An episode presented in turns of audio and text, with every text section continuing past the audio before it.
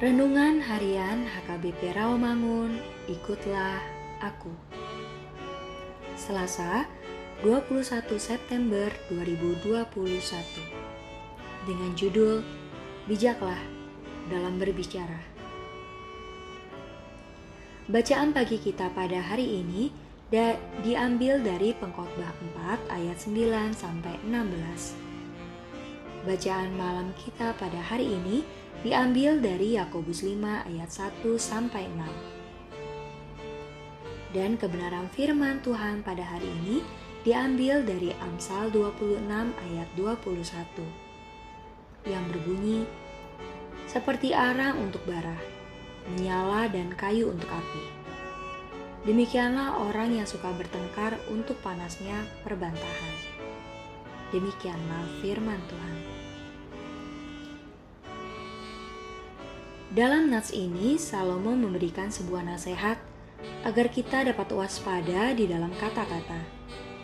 Karena sering tanpa kita sadari, kita telah menyampaikan hal yang tidak pantas sebagai orang percaya. Renungan hari ini memberikan gambaran yang jelas bagaimana seharusnya kita mempergunakan lidah.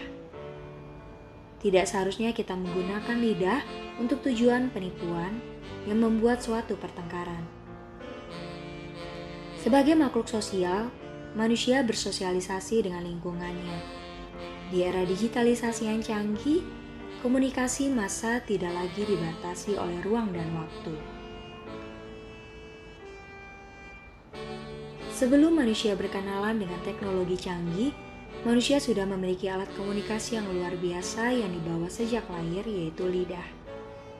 Dengan lidah, manusia belajar untuk menyampaikan informasi, berkata-kata yang benar dan yang baik, maka akan menghasilkan hal yang benar dan baik pula. Jika berkata dengan tidak benar, maka akan menimbulkan perpecahan.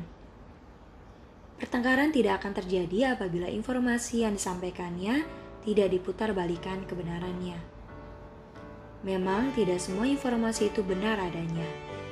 Karena itulah kita harus menyelidikinya dengan seksama.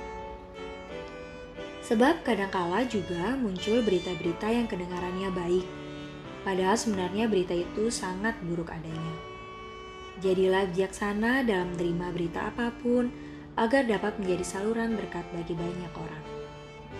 Jangan menjadi seperti bara menyala untuk kayu api yang dapat menyulut situasi menjadi panas.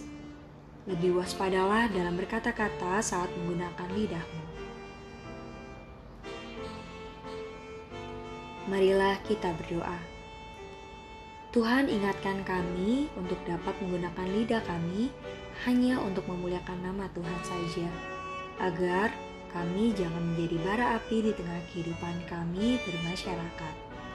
Amin.